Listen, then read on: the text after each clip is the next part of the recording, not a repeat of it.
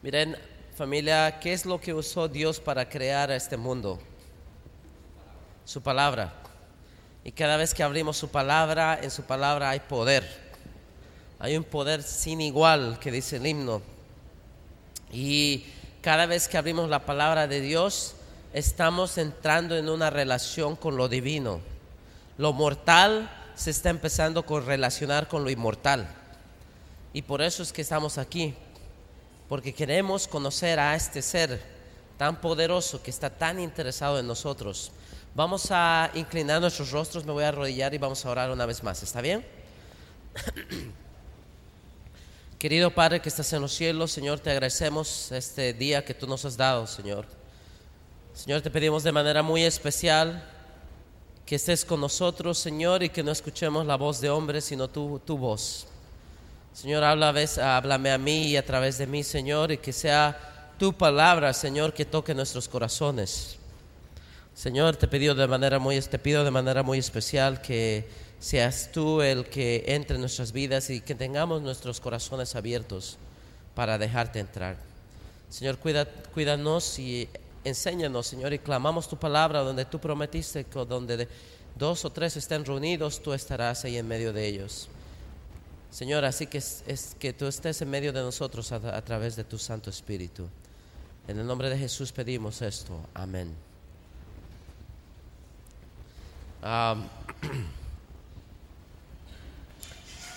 hace poco terminé un libro que en inglés se llama Infinite Game. Es un libro muy interesante donde este autor está describiendo que en la vida hay cosas finitas que nosotros vivimos y hay cosas infinitas en, las cosas que nosotros vivimos también que no podemos escoger en qué él le llama juegos. O sea, pero son cosas de la vida que uno vive. Dice que no podemos escoger en las cosas infinitas. Pero sí podemos escoger entrar en un juego finito. Porque un, juego finito, dice, tiene un principio y tiene un final. Hay cosas en la vida que nosotros entramos y tiene un principio y tiene un final. ¿Verdad? Muchas veces son competitivas. que siempre hay un ganador. Un ejemplo, un partido de fútbol un partido de fútbol, tú puedes ir a jugar, tiene un principio, sí o no. Y tiene un final. Y hay un ganador, sí o no. ¿Sí o no? Si hay un ganador. Ahora, el colegio, vamos a la escuela, hay un principio y un final, sí o no. ¿Y hay un ganador o no? Normalmente sí, porque siempre se premia al mejor estudiante, sí o no. Bueno, pero en la vida hay cosas en la vida que, que no, e, no funciona así. No hay reglas, no hay reglas específicas por lo menos, ah, no hay principio, no hay final, no se, no se saben las reglas. Y él menciona que los negocios es uno de esos, porque en, los negocios no se sabe cómo, las compañías dicen nosotros somos el número uno, pero ellos dicen que son el número uno de acuerdo a quién, de acuerdo a ellos mismos ellos generan sus propias medidas y salen que son el número uno, ¿verdad? Y por ejemplo, la, yo me acuerdo que había una universidad inclusive adventista que dijo, nosotros, la, universidad número uno del, del, estado de tal lugar, pero en realidad, ¿acaso todas las universidades decidieron participar en eso, en esa competencia? No.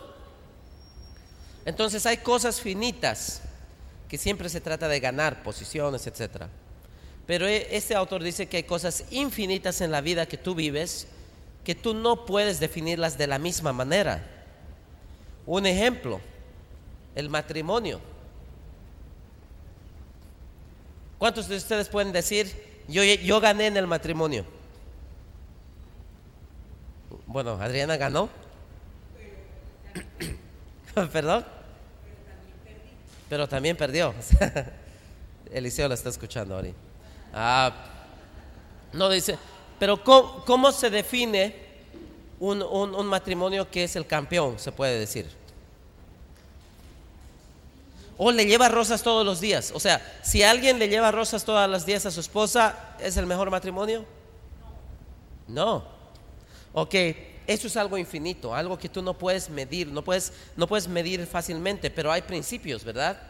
Principios que, puedes notar cómo se comportan, pero es difícil identificar. Un ejemplo les voy a dar. ¿Cómo puedes identificar a un buen cristiano? ¿Cómo sabes que una persona es un buen cristiano? Que ama a Dios, que sirve a Dios. ¿Cómo, te puede, cómo lo puedes describir?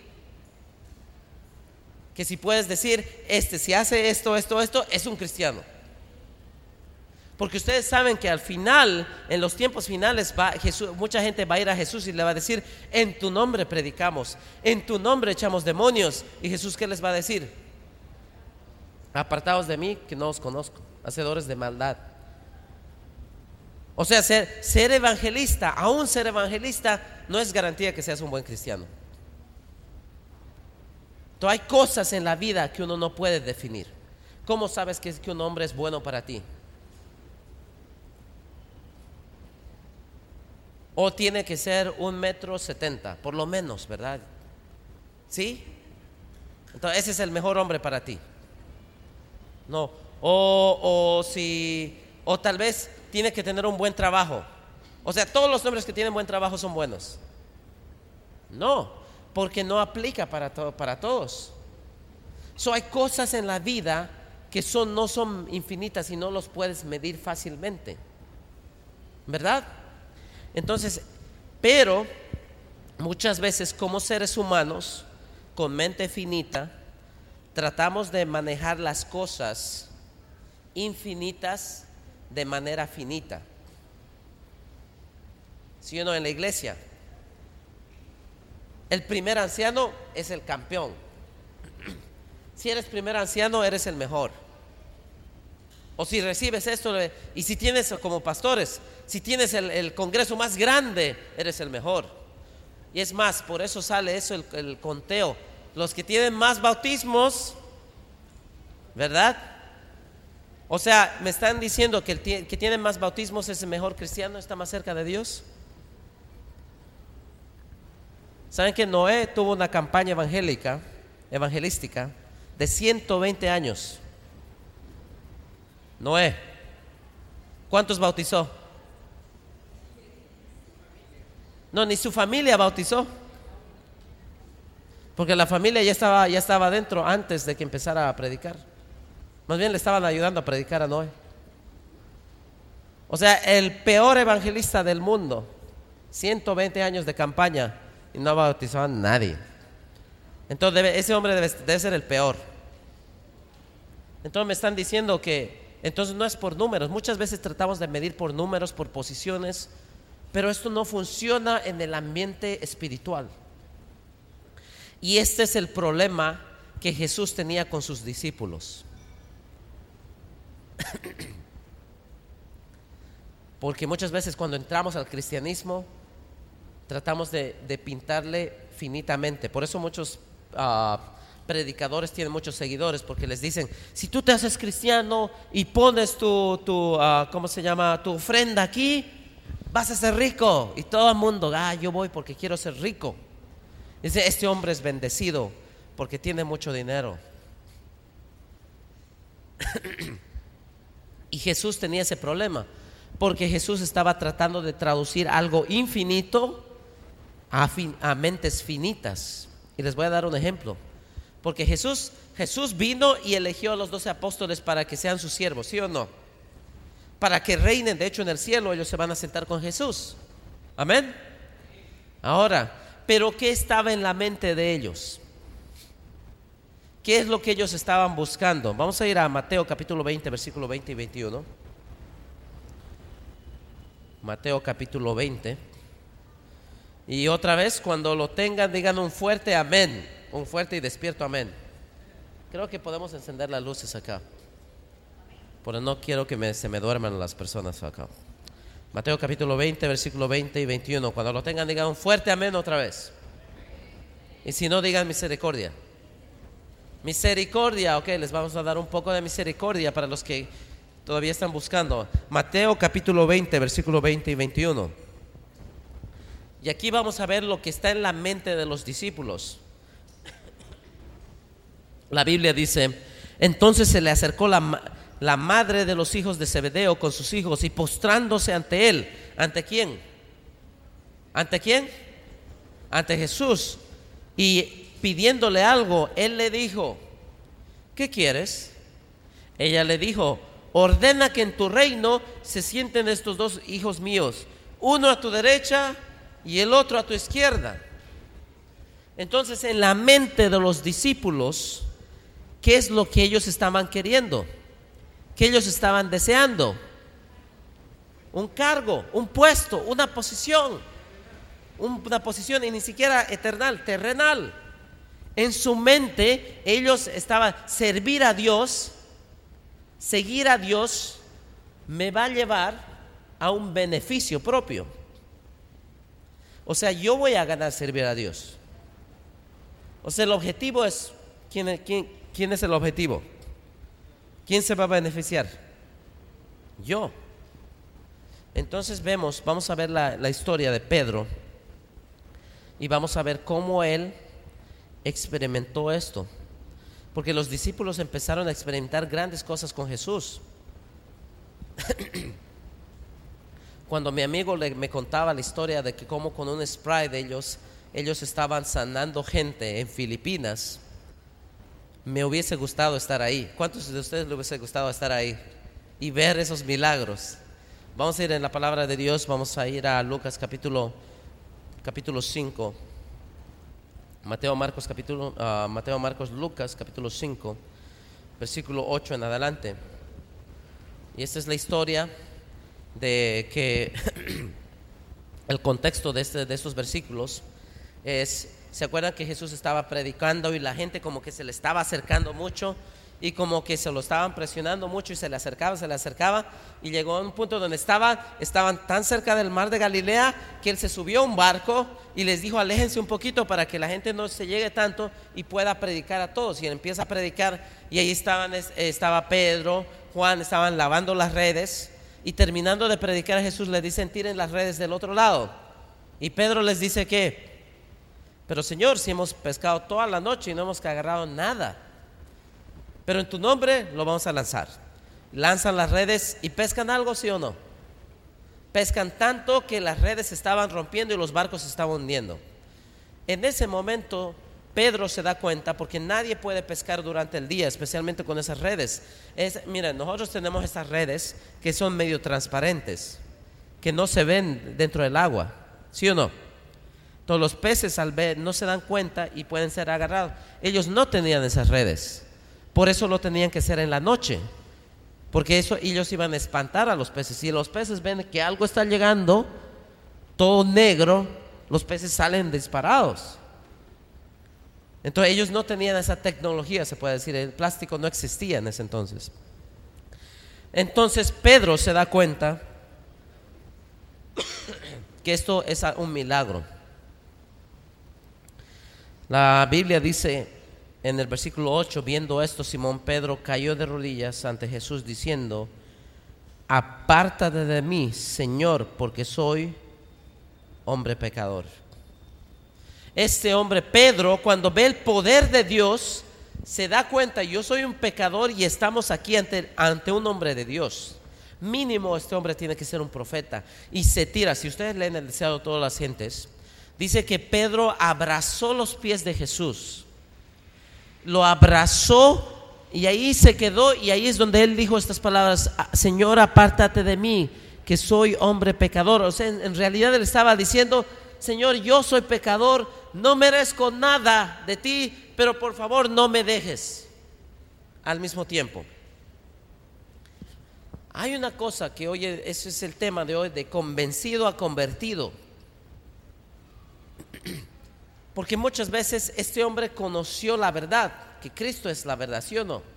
Conoce la verdad, es convencido, está convencido que este hombre no es cualquier hombre. ¿Sí o no? ¿No, estarías tú tampoco convencido? Estás Pedro está convencido, porque él puede ver los milagros. A él no le pueden decir, no, eso no fue verdad. ¿Cómo que no fue verdad? Si yo fue el que estaba sacando los pescados. A mí no me puedes decir que no fue verdad. Él lo estaba testificando. Pero, pero su experiencia con Jesús fue creciendo. Vamos a ir a Mateo capítulo 10. Mateo capítulo 10.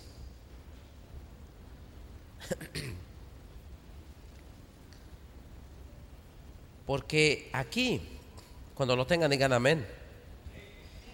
En Mateo capítulo 10, como que Pedro, como dicen por ahí, pasa al siguiente nivel. Porque ya no solo mira milagros, miren esto.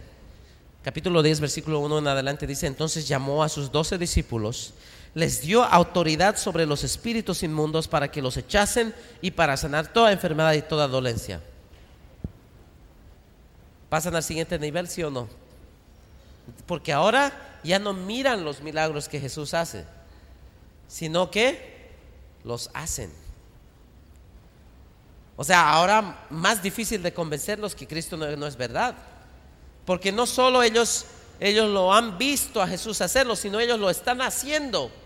De hecho, en el versículo 5 dice, a estos dos envió Jesús y les dijo diciendo, por camino ah, de gentiles no vayáis.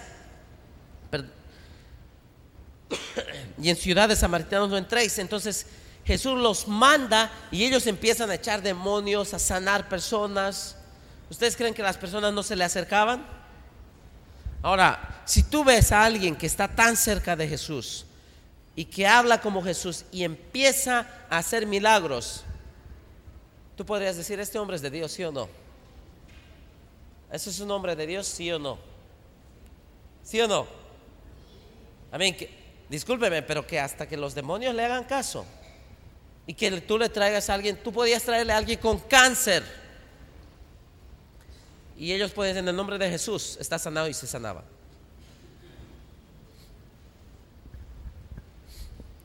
Yo me acuerdo que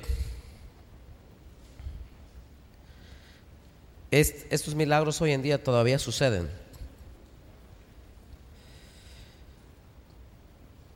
Y aún los doctores no pueden, no saben qué hacer. Yo me acuerdo ahora en Minnesota cuando tenía cuando iba a la iglesia ahí. A una hermana le descubrieron cáncer en los pulmones y estaba muy avanzado. Le llevaron semana tras semana y le dijeron, bueno, vamos a tener que operar a ver si te con la operación te alargamos la vida un poquito más porque no hay esperanza, o sea, vas a morir. Y, eh, y yo me acuerdo que todas las iglesias de Minnesota se pusieron a orar por esta mujer. y cuando fue a la operación, le toman los rayos X antes de hacer la operación para ver si algo había cambiado. Y cuando toman los rayos X para ver sus pulmones, el cáncer ya no existía. Todo estaba limpio. Y los doctores se quedan como, ¿y esto? Y llaman, no, no, no, es que, no, es que los doctores, la gente, normalmente los que no creen siempre buscan explicaciones científicas. Los doctores dijeron, no, es que se equivocaron, sacaron mal la radiografía. Pero tres veces y en tres diferentes ocasiones, el mismo tumor apareciendo. No, es que eso no, no, no, es, no, es, no es casualidad. No fue un accidente, fue un milagro. Pero los discípulos ya lo estaban haciendo. Entonces uno puede decir, wow, este hombre está como al siguiente nivel. De hecho, en Lucas capítulo 10, vamos a ir a Lucas capítulo 10. y estamos viendo qué es lo que hace a un cristiano. ¿Qué es lo que hace a un cristiano? ¿Qué es lo que, cómo puedes saber que tú eres un buen cristiano? Estamos viendo que aquí hay un hombre que está haciendo milagros. En el versículo capítulo 10, versículo 1, la Biblia dice, después de estas cosas designó al Señor también a otros 70, a quienes envió de dos en dos delante de él a toda ciudad que había que ir. Ahora vean el versículo 17. Volvieron los 70 con gozo diciendo, Señor, aún los demonios se nos sujetan en tu nombre. O sea que aún los 70 que no eran solo los discípulos, sino los que estaban ahí de metidos, podrías decir ahí, también tenían poder de, echar demonios. Entonces nos estamos dando cuenta que la gente que camina con los que siguen a Dios serán buenos cristianos, porque muchos de ellos también hacían milagros. Ustedes se imaginan cómo, cómo Pedro se sentía. Yo sigo al Maestro, al Mesías, a nuestro Salvador. De hecho, a mí me lleva cuando va a orar solito. Entre tres nos vamos.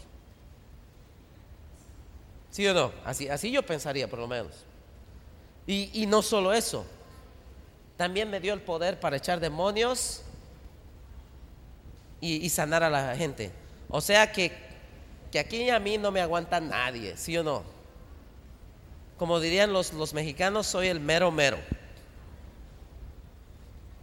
Vamos a ir un poquito más adelante en el mismo libro, Lucas capítulo 22.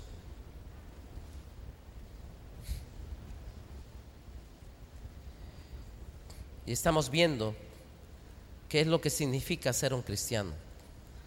¿Cómo podemos identificar algo infinito con algo finito? Lucas capítulo 22, versículo 31. Cuando lo tengan, digan amén.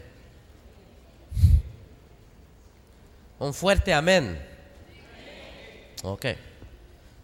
Están mejorando, están mejorando. No están todavía ahí, pero vamos mejorando. Un fuerte amén. Amén. Versículo 31 dice, dijo también el Señor Simón, Simón He aquí Satanás os, ha pedido a zarandearos como a trigo, pero yo he rogado por ti que tu fe no falte, y tú una vez vuelto, confirma a tus hermanos. Y no esa, esa palabra convuelto, ¿sabes qué significa? También, en algunas versiones, otras versiones lo tiene y otras versiones en inglés también lo tiene, es convertido. Jesús le está diciendo a Pedro, cuando te conviertas, Pedro, ¿qué cosa? ¿Cómo? ¿Cómo? Confirma a tus hermanos. O sea, le está diciendo Pedro, tú que me has seguido, tú que haces milagros, echas fuera demonios, sanas a los enfermos, necesitas ser convertido.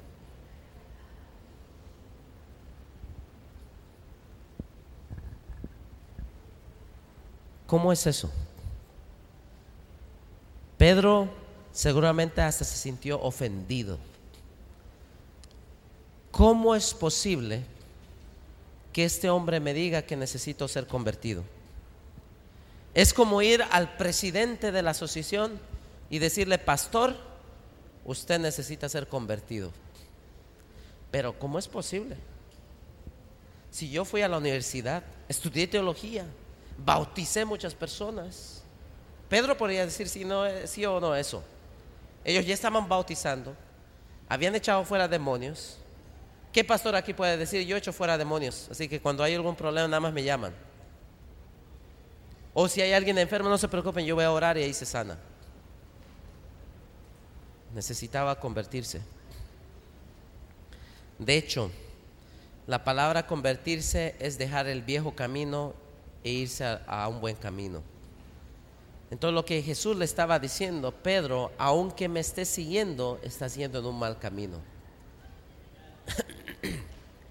Porque no estás haciendo lo que yo quiero que tú hagas. Yo quiero enseñarte algo. Él estaba enseñando algo que tú no entiendes que te va a dar la victoria sobre todo. De hecho, después de eso, Pedro perdón, Jesús le dice a Pedro que cuando cante el gallo tres veces tú me vas a negar. Pero ¿cómo es posible que Jesús diga que primero tengo que ser convertido y segundo que lo voy a negar? De hecho, en el mismo capítulo, versículo 59, vemos la siguiente escena donde dice como una hora después, otro afirmaba diciendo, verdaderamente también este estaba con él porque es Galileo. Y Pedro le dijo, hombre, no sé lo que dices. Enseguida, mientras él todavía hablaba, ¿qué pasó? El gallo cantó.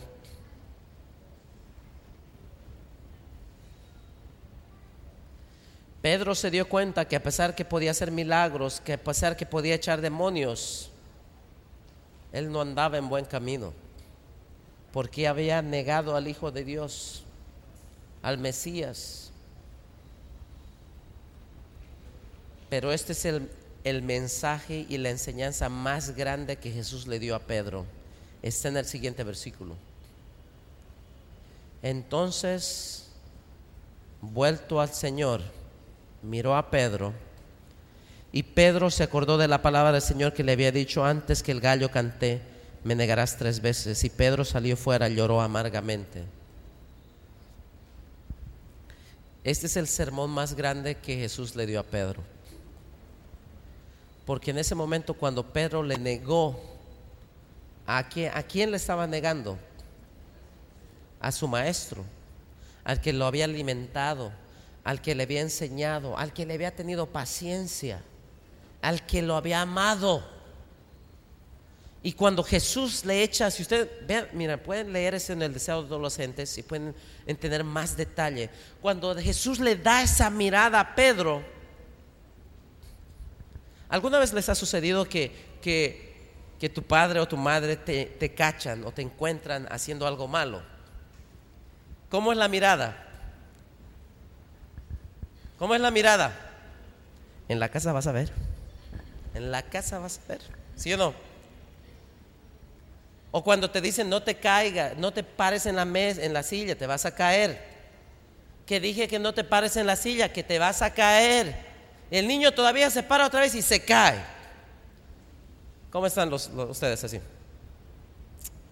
Te dije, ¿sí o no? ¿Estás llorando? Te voy a dar algo por qué llorar, ¿verdad?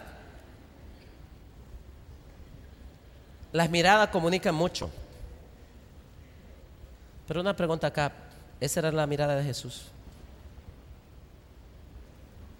En el deseado de todas las gentes.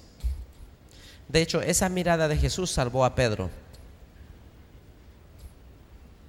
Esa mirada de Jesús no fue de acusación, no fue un te dije, sino fue una mirada de que te amo y te perdono. Eso quebrantó el corazón de Pedro. Él había aprendido la lección más grande que había lastimado a un ser querido. Había negado a un ser amado. Y él fue y lloró amargamente. La ventaja de esto es que Jesús ya le había dicho cuando vuelvas, afirma a tus hermanos.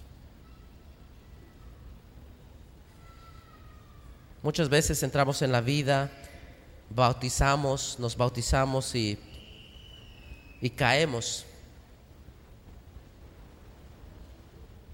Y como hemos, nos hemos criado en una, en una cultura donde cuando nos equivocamos y nos caemos, nos golpean, nos regañan y nos estamos dando cuenta que Jesús no es así. Que cuando has fallado en la vida, cuando lo has negado muchas veces, Cristo te dice, por favor, vuelve. Porque es como un ser padre amado. Tú sabes cómo, los papás y las mamás tratan a los bebés. ¿Se acuerdan? ¿Cuántos de ustedes son padres? ¿Son padres acá? Ok. ¿Se acuerdan cuando sus hijos empezaron a caminar? Cuando dieron los primeros pasos, ¿se acuerdan? Cuando daban, cuando empezaron a caminar, ellos empezaron a caminar sin parar. Así fue. Un día dieron el primer paso y el siguiente y empezaron a darse vuelta por allá. O se caían. Y cuando se caían, llegó el papá y les dijo, ¿y por qué no puedes caminar bien? Me estás haciendo pasar vergüenza. ¿Es lo que le dijo el papá? No, ¿por qué? Porque es normal. Está aprendiendo. Si no, un padre amado lo levanta, una madre amorosa lo levanta y le dice, está bien, vuelve a tratar. Y eso es lo que le estaba enseñando Jesús a Pedro. Y en San Juan capítulo 21, San Juan, vamos a ir a San Juan capítulo 21.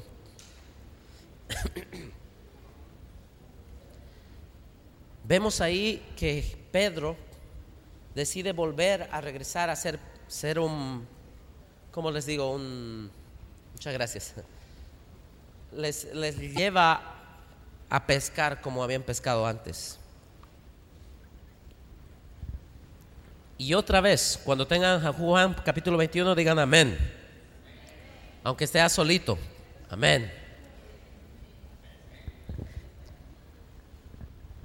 Pedro los lleva a pescar. No encuentran, no agarran nada otra vez. Alguien está en la orilla del mar y les dicen, agarraron algo y les dicen, no, nada, echen su red otra vez.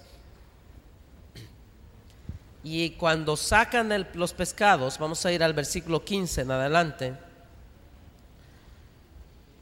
Pedro se da cuenta que ese es Jesús. Se tira al agua y empieza a nadar directo a Jesús.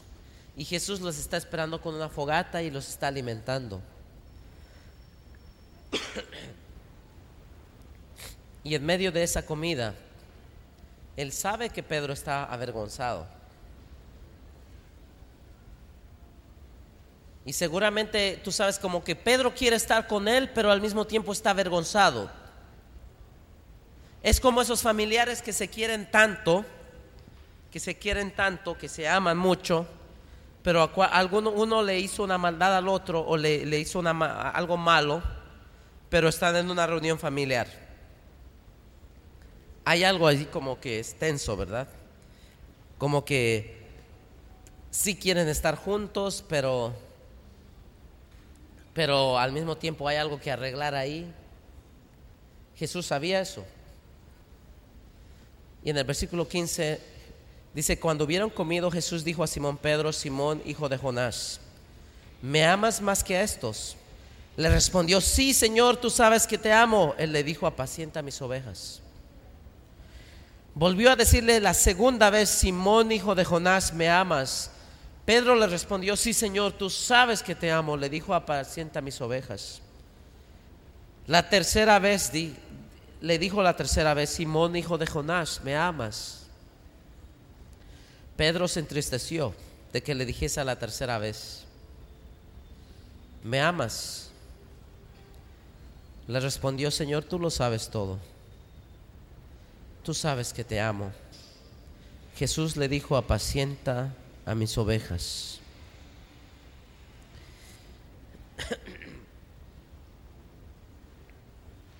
Déjenme leerles esto, está en el deseo de todas las gentes. La pregunta que Cristo había dirigido a Pedro era significativa. Mencionó solo una condición para ser discípulo y servir. Aquí está la respuesta. Como sabemos que somos unos siervos de Dios, discípulos de Dios? ¿Me amas? Esta es la cualidad esencial. Aunque Pedro poseyese todas las demás, sin el amor de Cristo no podía ser pastor fiel sobre el rebaño del Señor. El conocimiento, la benevolencia, la elocuencia, la gratitud y el celo son todos valiosos auxiliares en la buena obra. Pero sin el amor de Jesús en el corazón, la obra del ministro cristiano fracasará seguramente. Es cuestión de tiempo.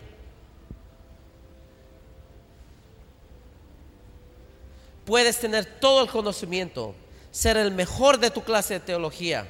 Eso no significa nada. Puedes hacer milagros. Por eso en 1 Corintios 13 dice que aunque hagan milagros, si no tienen amor, son como címbalos.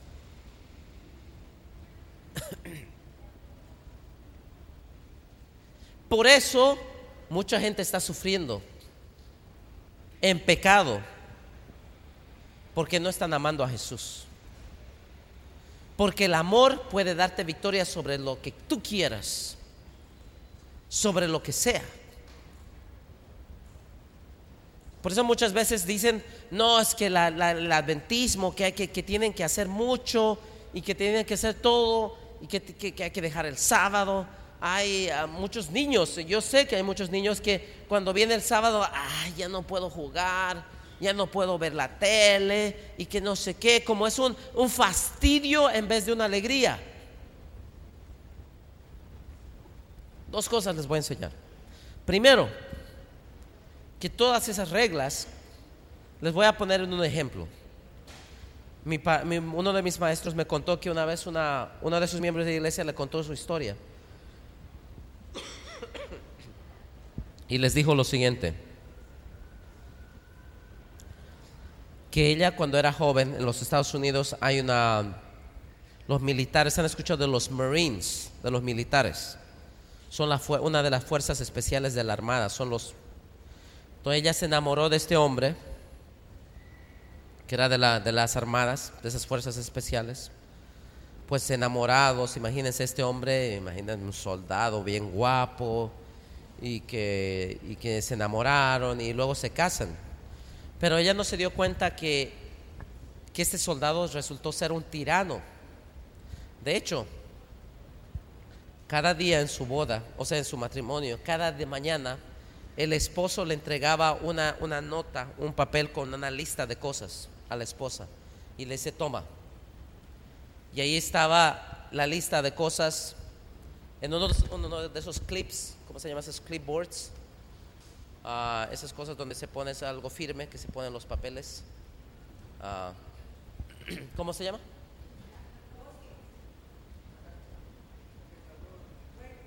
Un, una- un pedazo de plástico con una cosa ahí que se pone en la página ahí para amarrarlo. ¿Cómo? Pica. Bueno, uno eso, eso, ¿ok? Le da una con un papel, una lista de cosas que limpiar los muebles, barrer la casa, lavar la ropa y todo eso. Cada día. Y dice esta mujer, cuenta la mujer, que cada vez que este hombre regresaba, le revisaba todo. De hecho, la mujer y el hombre iba a los muebles y le hacía así, para ver si había, había polvo. Le revisaba que se había doblado bien la ropa. Y si no lo había hecho bien, ¿qué pasaba? Le daba duro. Una pregunta acá, ¿cómo crees que era el concepto del matrimonio para esta mujer? ¿Algo hermoso o algo horrible? ¿Quién quisiera vivir así? No la culpo. Pero un día, no se sabe si fue una bendición o, o una, no se sabe si fue una tragedia o una bendición. Pero este hombre que estaba en un, carro tuvo un accidente y murió instantáneamente. Entonces ella quedó viuda y ella dijo, de matrimonio nunca más me hablen. Pero ella trabajaba en una florería y cuando estaba ahí, un hombre cristiano se le llegaba ahí, buen hombre. Y al principio ella como que no, no, quería saber nada del matrimonio. Eso es- tener una relación significa ir al matrimonio, ¿no? Si, tienen una novia y no están pensando casarse, ¿para qué, para qué tienen la novia? ¿Verdad? Entonces eh, eh, ella estaba diciendo, ¿verdad? Ah, no sé, y al final este hombre era tan bueno que le ganó el corazón. Se casaron. Y este hombre sí la trataba bien. No le daba ninguna lista. Él la amaba, la trataba súper bien, la sacaba a comer. Y ella era una mujer feliz. Y unos años después, un día ella estaba limpiando el ático. Estaba limpiando cosas y agarra una caja que había encontrado, vieja, y abre la caja y dice, ¿qué es esta caja? Abre la caja y ¿qué, creen que estaba ahí? Ahí estaban las cosas de su matrimonio anterior. Y como que hasta le revolvió el estómago. Ay, ese matrimonio. Y lo que ella hace, agarra y en- encima, ¿sabe qué estaba? Una de esas listas que le daba cada día. Y agarra la lista y decía, ¿cómo odio esta lista? Dice, ¿cómo odiaba esta lista? Y empieza a revisar. Lavar la ropa. Ay, ¿cómo odiaba lavar la ropa? Ahora sí lo hago, pero sigo haciendo. Limpiar los muebles. Ay, ¿cómo odiaba limpiar los muebles? Pero hoy sí lo hago también. Y cuando se dio cuenta al terminar toda la lista, se dio cuenta que en su matrimonio actual ella hacía todo lo de esa lista. ¿Cuál era la diferencia? El amor. El amor.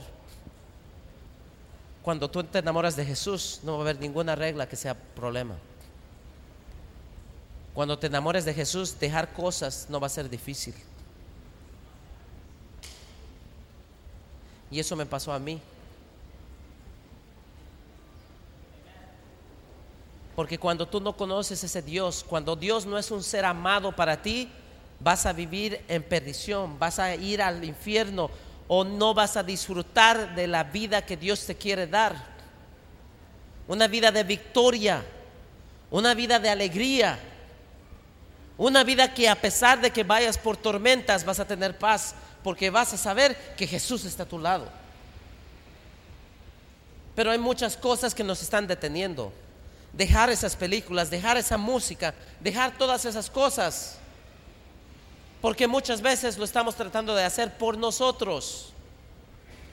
Pero no nos damos cuenta que como Pedro hemos, estamos lastimando a nuestro ser amado. Cuando yo estaba en el colegio, me entró una enfermedad que yo la, que yo la generé. ¿Han escuchado la cleptomanía? ¿Saben qué es la cleptomanía? Es robar. Empecé robando una moneda, luego robé muchas cosas. En ese entonces estaba viviendo mi mamá y mi mamá salíamos a la escuela a las seis de la mañana, seis y media de la mañana, al colegio. Mi mamá iba a su trabajo trabajaba todo el día y llegaba como hasta las 11, 12 de la noche porque trabajaba en la noche también. Trabajaba en una de esas escuelas nocturnas para enseñar a los adultos. Tenía dos trabajos para que nosotros tengamos comida, educación. y yo me acuerdo que un día, yo me acuerdo me acerqué a mi mamá y le dije, mami, ¿me puedes dar dinero para ir al cine con mis amigos? Y mi mamá me dijo, no, no te voy a dar dinero, no tenemos dinero.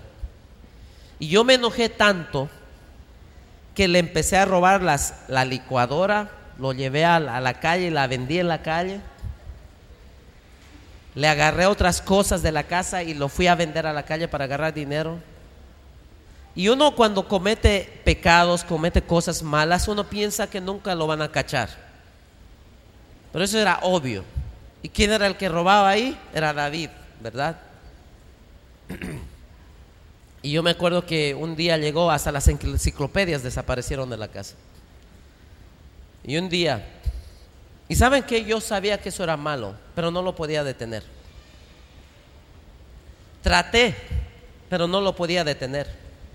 Era una adicción que yo tenía porque cada vez que yo quería algo, agarraba algo y lo vendía y lo compraba no lo podía detener. Me habían castigado muchas veces, sí. Me habían golpeado. Yo me acuerdo que alguien estaba tan desesperado que me quería quemar las manos. Yo también quería dejarlo, pero no podía. Pero yo me acuerdo esa vez que había sido como el, el clímax de mi carrera de ladrón. Se descubrió que David había robado todas estas cosas. Y yo ya iba a entrar a mi casa para enfrentar las consecuencias. Y yo dije, esto sí va a doler. Esto sí va a doler. Y me puse a pensar, ¿con qué me van a dar ahora? ¿Con el cable? ¿Con la madera? ¿Con qué me van a dar? Pero yo sabía que esto sí va a doler. Y voy llegar entrando y mi mamá está enfrente. Y mi mamá me queda viendo y empieza a llorar. Y ella solo me dice esto, me dice, no sé qué estoy haciendo mal. Y se metió a su cuarto y lloró por tres días. ¿Saben que sí me dolió? Porque yo preferiría que mi, que mi mamá, que se estaba sacrificando tanto para darnos todas nuestras necesidades, que se estaba matando para que nosotros no nos falte. Mi ser querido estaba sufriendo por mis pecados. ¿Saben qué? No necesité una, una castigada. desde ese momento en mi vida nunca más he tocado algo que no me pertenece. ¿Por qué? Porque había lastimado a mi ser querido. ¿Sabe por qué tenemos? ¿Por qué nosotros quebrantamos los diez mandamientos fácilmente? ¿No respetamos el sábado? Porque no nos estamos dando cuenta que estamos lastimando a un ser amado. Es más, muchas veces Jesús ni siquiera es un ser amado para nosotros. Porque si supiéramos cuánto lo estamos lastimando, no haríamos las cosas que estamos haciendo hoy en día. Cuando Pedro se dio cuenta que él había lastimado a su, a su Salvador, aquel que había muerto por él, él dijo, nunca más, nunca más. De hecho, cuando lo trataron de crucificar como Jesús, él dijo, crucifíquenme, pero al revés, porque no soy digno como morir como mi Salvador. La pregunta para ti, ¿es Jesús un ser amado en tu vida? ¿O solo es un conocido que te hace favores? Y por eso estás sufriendo en este mundo. Por eso el pecado te tiene agarrado. Porque no lo conoces bien. Ese Jesús quiere darte su vida en ti quiere llevarte a casa, quiere hacerte uno de tus siervos, quiere vivir contigo. Por eso Pablo dijo, con Cristo estoy juntamente crucificado. Más ya no vivo yo, sino Cristo vive en mí. Y hoy en día quiero preguntar a cuántos de ustedes si ustedes realmente conocen a Jesús como un ser amado, o solo es otra vez ese conocido que te hace favores, que solo vas cuando necesitas algo. Y por eso muchas veces no pasas tiempo con Él. Y por eso estamos sufriendo con el pecado hoy en día. El amor Es lo único que Dios está pidiendo. Lo único que les estaba enseñando a los discípulos era cómo amar. Por eso Jesús dijo en la Biblia, si me amáis, guardáis mis mandamientos. Porque solo los que aman a Jesús pueden amar.